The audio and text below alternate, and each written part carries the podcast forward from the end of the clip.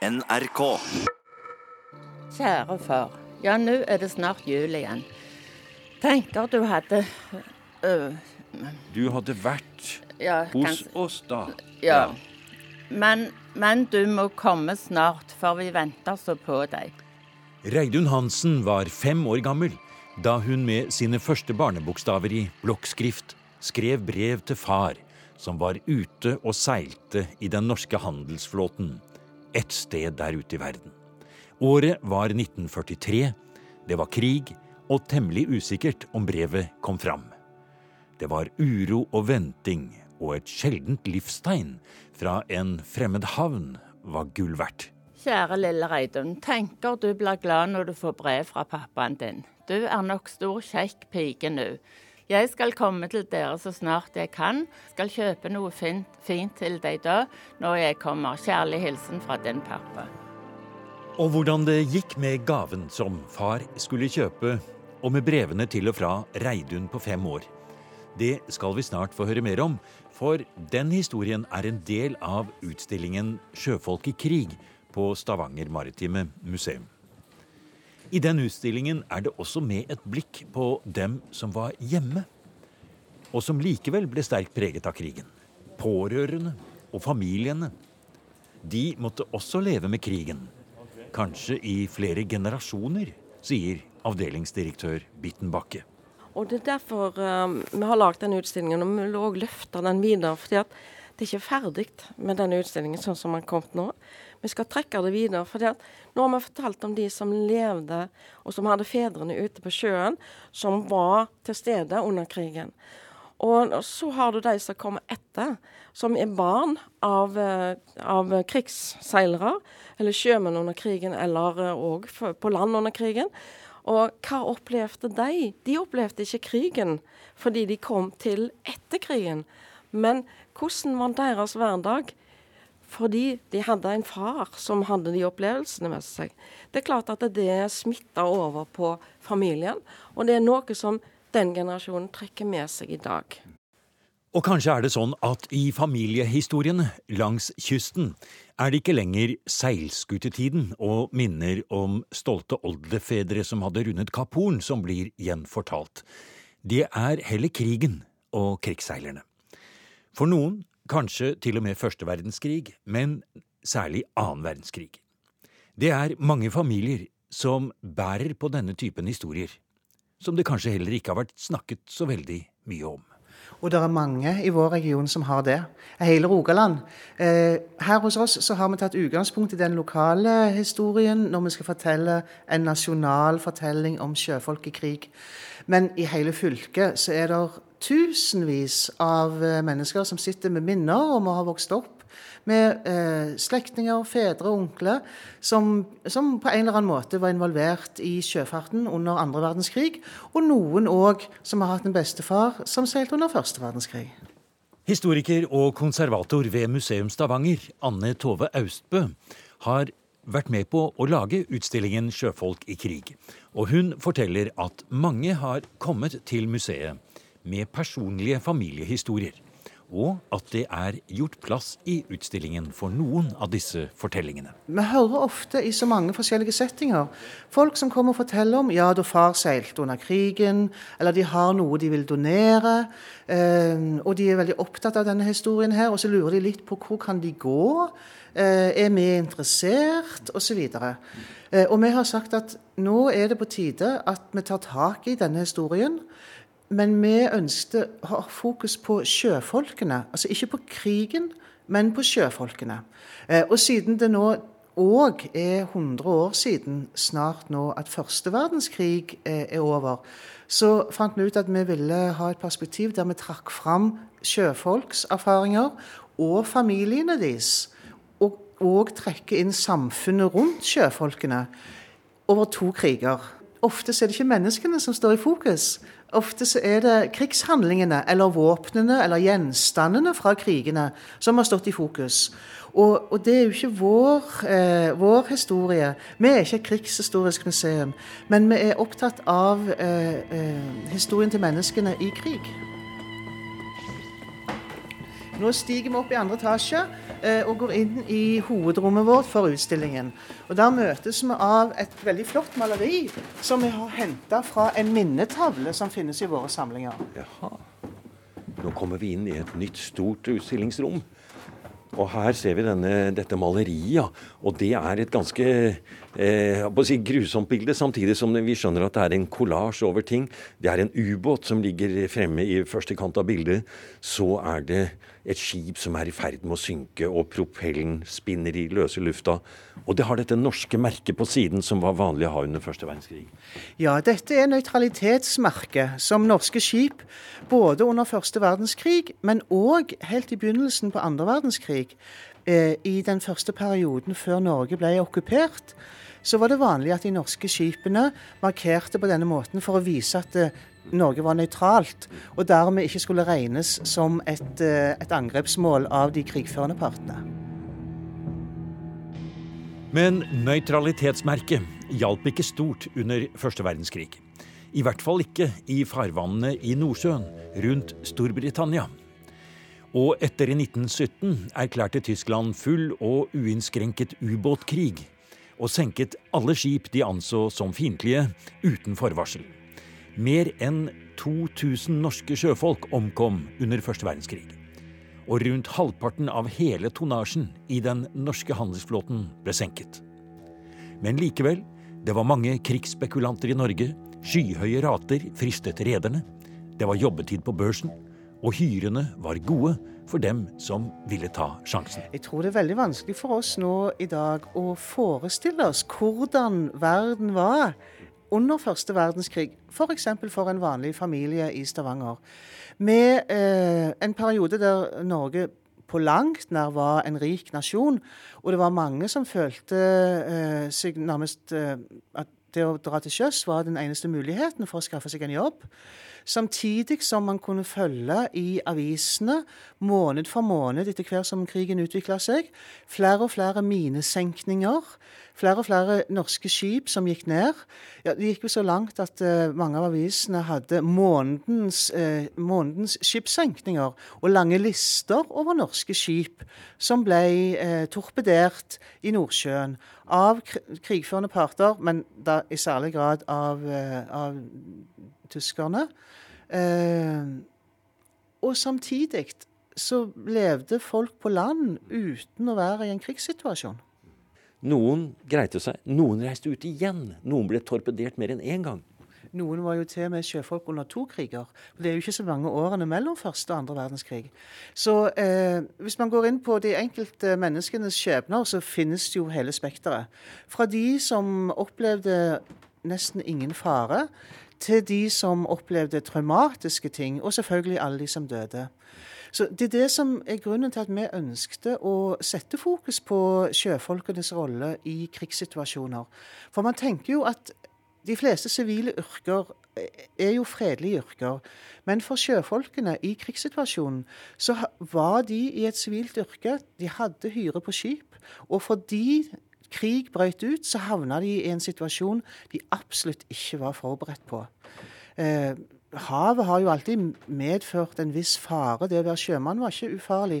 Men likevel eh, så skulle man ikke bare vise godt sjømannskap, men man skulle være klar til å bli angrepet, til å gå i livbåtene, til å gå til angrep mot fiendene, samtidig som man skulle skjøtte jobben sin med å frakte varer fram over havene.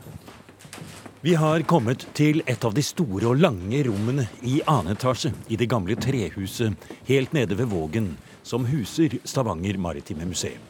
Og i hele rommets lengde, malt rett på gulvet, er en lang tidslinje hvor årstall og hendelser er markert i sort både fra første og andre verdenskrig. Og i rødt står skipsforlis etter skipsforlis. Dette var et grep for oss for å klare å, å, å fange noe av hovedpoengene i det lange tidsspennet. Vi har tatt utgangspunkt i alle skipsforlisene av Stavanger-skip i både første og andre verdenskrig. Og så har vi fletta de inn i de store verdensbegivenhetene for å vise hvordan eh, en lokal liten by kan bli vevd inn i den store eh, historiens virvelvind. Vi ser det aller første skipet i 1914 som dere har markert her. Det er dampskipet eh, Tysla som går på en mine den 8. august 1914. Eh, og så ser vi når vi står nå, går vi inn på denne lange tidslinjen i gulvet her. Og det er ganske både grusomt og hva jeg skal si, for det, vi ser det står røde oppover hele veien her. Så står det navn da på skip som er eh, senket. Og det er mange, som du sier. Og ved siden av oss så har vi denne veggen med etiketter på sardiner. For det å begynne med var det det som var i lasten, kanskje? Ja, både i lasten og ikke minst som var med og, og finansierte ja. egentlig den uh, festen, må vi kanskje kunne kalle det for enkelte, som, uh, som første verdenskrig brakte med seg. Hermetikk var en ettertraktet vare. Dette var eh, mat som var holdbar, og som både sivilbefolkning og soldater og sjøfolk hadde bruk for under første verdenskrig. Og Det er veldig interessant hvis man ser på disse etikettene, hvordan den nøytrale Norge henvender seg til sine markeder. For her skilles det ikke mellom uh, fiender. Her er det like mange som spiller på de tyske nasjonale symbolene ja, som på de allierte. Her har vi jo Bismarck som uh, Altså selve, selve, produktet heter Bismarck, og Hansa brann. Og her har vi den, den tyske jernkorset, som er Og her en stor uh, Det er et battleship, så den går da til den britiske siden, kanskje, da. Det, det stemmer. Jo, og her er russisk så, så, det er jo Dette er Romanov-familiens uh, ja, våpenmerke. Så, ja. så, her ser man at ja. før revolusjonen Og der er Hindenburg og Britannia. Det er som du sier, altså den festen, sa du, som denne krigen også kunne være. Det er en ganske utilslørt uh, spekulasjon i de krigførende nasjoners nasjonalistiske motiver vi ser her. Kanskje er dette merket U9 det drøyeste. For her ser vi i forgrunnen en eh, seirende eh, tysk eh, ubåt eh, som eh, markerer at i bakgrunnen her går det ned et par britiske destroyere med sannsynligvis ganske mange eh, falne marinesoldater, mm. som den nå da har, eh, har senka. Og som man feirer med flagg med det tyske jernkorset, og ubåt nummer ni er da feiret på den. Og dette er jo selve eh, etiketten da på, på den sardiner i oljeboksen. Og så står det 'Eingemacht in Jegers konserverfabrikk' i Haugesund, eh, Norwegen.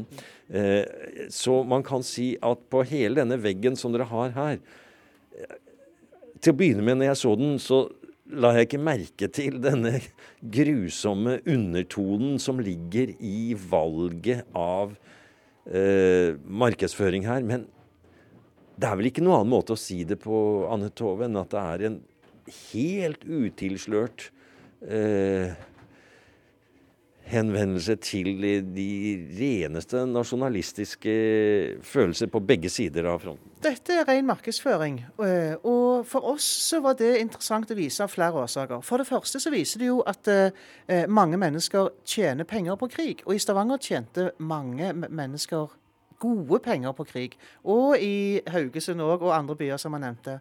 Og det underliggende spørsmålene som, som da òg eh, blir interessant, det er jo er det OK å tjene penger på krig.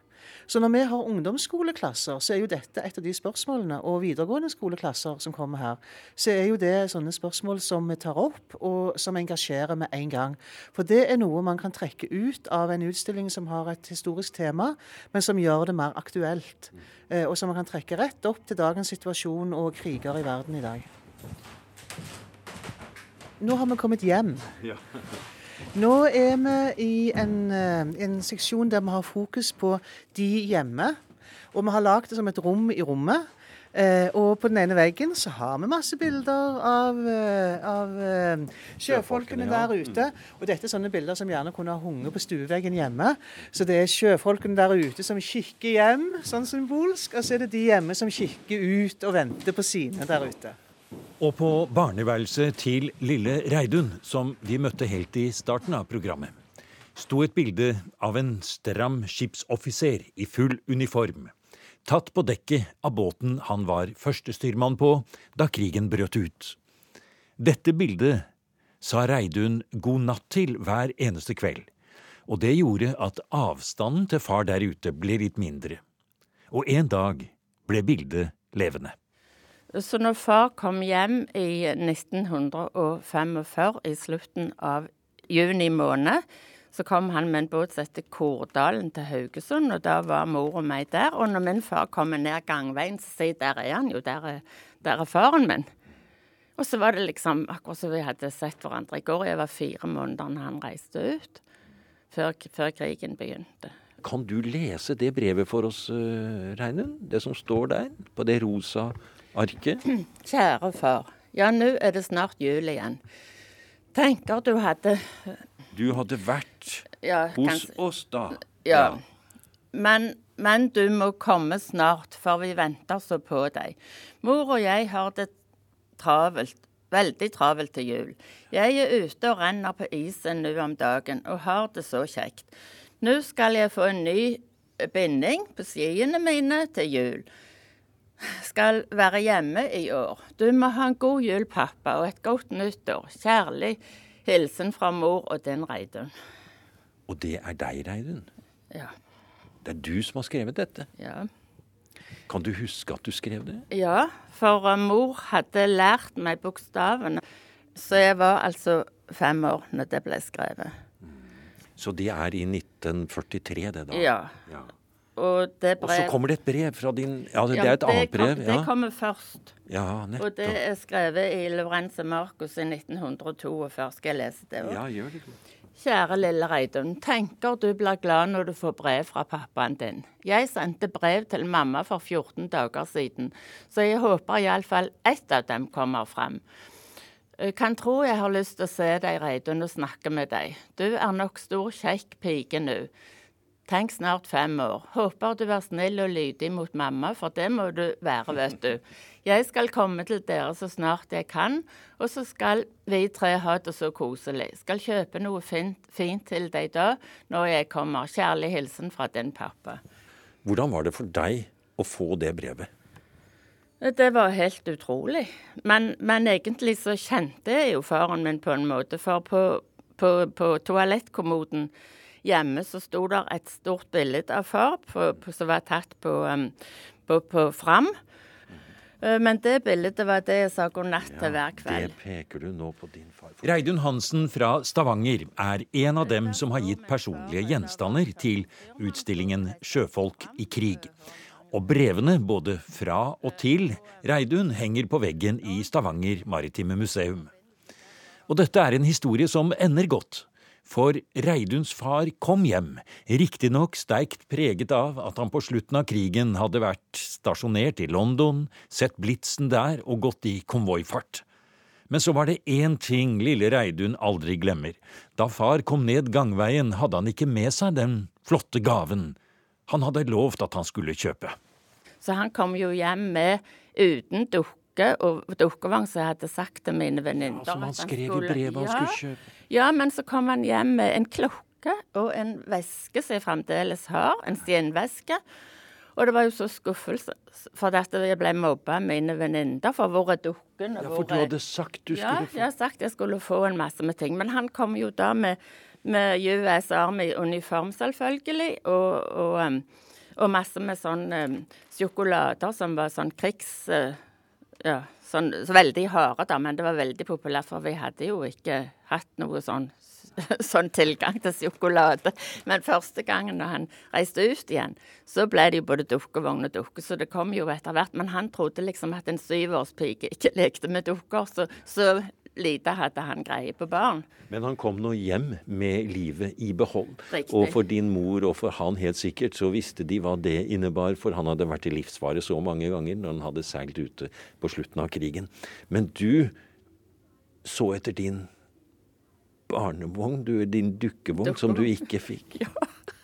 Men kom, kom en, han, den dukkevognen som ble kjøpt i Amerika, så han kom hjem, den var så stor at når jeg fikk en søster i 46, så kunne jeg kjøre henne i den. Så jeg har den oppe i stuen min enda, denne dukkevognen. Men, men nå har jeg vært enke i syv år pluss. og jeg har mange ganger tenkt over hvordan mine foreldre fant tilbake til etter, etter syv lange år. For sånn, det ble det i og med at han reiste ut i, i, i Jeg var fire måneder i 38. Jeg forstår det jo litt bedre til eldre jeg blir, hva, hva egentlig de var igjennom. Og mor hadde jo nerver, og det hadde vel far òg. Én ting er de fysiske restene etter krigen. De store fortellingene om helter og sabotasje og dramatiske skipsforlis. Men en del av den historien er også hvordan det påvirket alle de som ikke var med der ute. De som var hjemme, ektefeller og barn, de som i årene som fulgte, måtte forsøke å tolke og forstå hvordan krigsopplevelser og traumer kunne forme et helt liv. Vi er opptatt av de personlige historiene, sier Anne Tove Austbø på Stavanger museum. Vi er som sagt opptatt av at eh, vi må ivareta alle de fortellingene til alle familiene. Og vi som et enkelt lite museum klarer jo ikke å formidle alle de. Vi kan fortelle noen, og vi har valgt oss ut noen enkelte personer. Men vi kan vise hvordan eh, familiene både kan søke opp og finne informasjon, for det finnes jo faktisk ikke minst krigsseilerregisteret, men òg andre steder der det ligger ganske mye informasjon om personer og om skip og om hendelser. Og så oppfordrer vi òg de som sitter på materialet som, eh, som ennå ikke er, er, kjent utenfor familien, og vi deler det med disse stedene. sånn at eh, eh, Det kan bli også registrert, ja? Ja. For der, dermed så får man mer informasjon på individuelle eh, sjøfolk, og kan bygge enda større og bedre oversikter. Så eh, Krigsseilerregisteret er en fantastisk ressurs. Et nasjonalt senter der eh, man har som målsetning å lage en side på hver enkelt person som man registrerer som krigsseiler, eh, og knytte mest mulig informasjon om den enkelte personen. Eh, og i løpet av denne perioden når vi har jobba med utstillingen her, så har vi i samarbeid med Stavanger sjømannsforening og Krigsseilerregisteret eh, fått inn enormt mye nytt materiale som ikke var kjent. Og folk kommer, og de har ringpermer, og de har esker, og de har konvolutter med masse flott originalmateriale som handler om deres egen far eller bestefar. Eh, og delvis òg ukjente personer som Krigsseilregisteret ikke kjente til. Eh, så det er en veldig verdifull måte både å formidle denne historien på, men ikke minst prøve å, å bygge opp om historien og få inn mer informasjon. Og et museum som skal delta aktivt i sin samtid, må også være opptatt av hva vi bruker historien til, sier avdelingsdirektør Bitten Bakke. Hun har selv en familiehistorie hvor faren både var med Shetlands-Larsen, var flyver og seilte i maskinen i Murmansk-konvoiene. Hans utslitte skinnlue, som han hadde på seg i is og mørke, er en av de autentiske og gripende gjenstandene som vises på utstillingen. Men hvordan skal et samfunn forstå seg selv, spør Bittenbakke. Hva er det vi tar med oss i generasjonene som kom etter krigen? Altså, jeg husker faren min sa det til meg, at uh, de tyske soldatene, fotsoldatene, det er vanlige folk sånn som meg og deg. Du skal aldri hate de, sier han. For de har bare blitt sendt ut i noe de egentlig ikke vil bli sendt ut i. Og det, det lærte jeg av, han. Men uh, når uh, når disse, disse oberstene og disse høyt på strå, det var noe annet. Og Jeg husker i 73, da hadde far min bensinstasjon. Mor mi hadde bensinstasjon. Så kom, og jeg satt og skrev bilnummer. Så kom der en tysk bil. Så kom far min ned og begynte å tappe. Så gikk denne mannen ut, slo uh, far min på skulderen og sa 'Hei, Jens'. Så snur far min seg, og så ser han hvem det er. Og det var han som tok far min som nærmest som fange til å reparere bilene under Tyskland i, eh, før, rett når krigen starta. Så kikker far min han i øynene, så tar han tappekranen ut av bilen, putter den inn i pumpa. Så går han inn i butikken, og så låser han døra. Og så står jeg ute, og jeg skjønte ingenting. Så, og gikk og prøvde å få opp døra etter far min. Nei, det var ikke mulig. Jeg sprang opp til mor mi. Så sa, han, sa mor mi det er helt sikkert en av de tyskerne som var her under krigen. For en historie.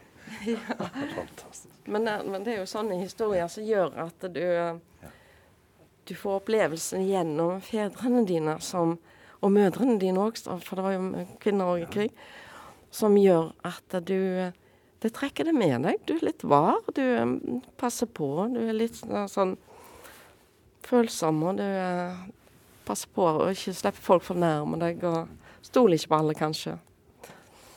Og dette her kan vi òg trekke paralleller til i dag, mener jeg. Fordi at vi sender folk i krig. Vi sier ikke vi sender de i krig, men det er det vi gjør. Og Der kommer folk tilbake igjen. Unge gutter tilbake igjen. Starter liv med familie og har opplevelser som de trekker med seg. Jeg har lyst å Eller vi skal ha foredrag. Vi skal ha folk som kommer og forteller opplevelsene. Og det gir vi ut signaler til Stavanger-befolkningen at kom her og hør på. For vi, vi, trenger en plass hvor vi kan treffe hverandre, snakke om det. Og jobbe med det videre. Og, og snakke om de, de følelsene, den varheten og den følsomheten som disse personene som har levd med, med disse mennene, så fedrene og mødrene som har vært i krigen, de trekker med seg. Og en plass må det være hvor vi kan ta det opp og kjenne på det. Og kjenne at det, det er sånn vi har det. Hvorfor er jeg sånt? Jo, fordi jeg hadde en far som var veldig var. sant? Han var veldig følsom. Og jeg måtte trø, trø stille i dørene når jeg visste at han var på det sykeste. Og det trekker vi med oss. Og det er sånn vi blir etterpå. Du har nå hørt en podkast av programmet Museum fra NRK P2. Og send gjerne en e-post til museum krøllalfa nrk.no.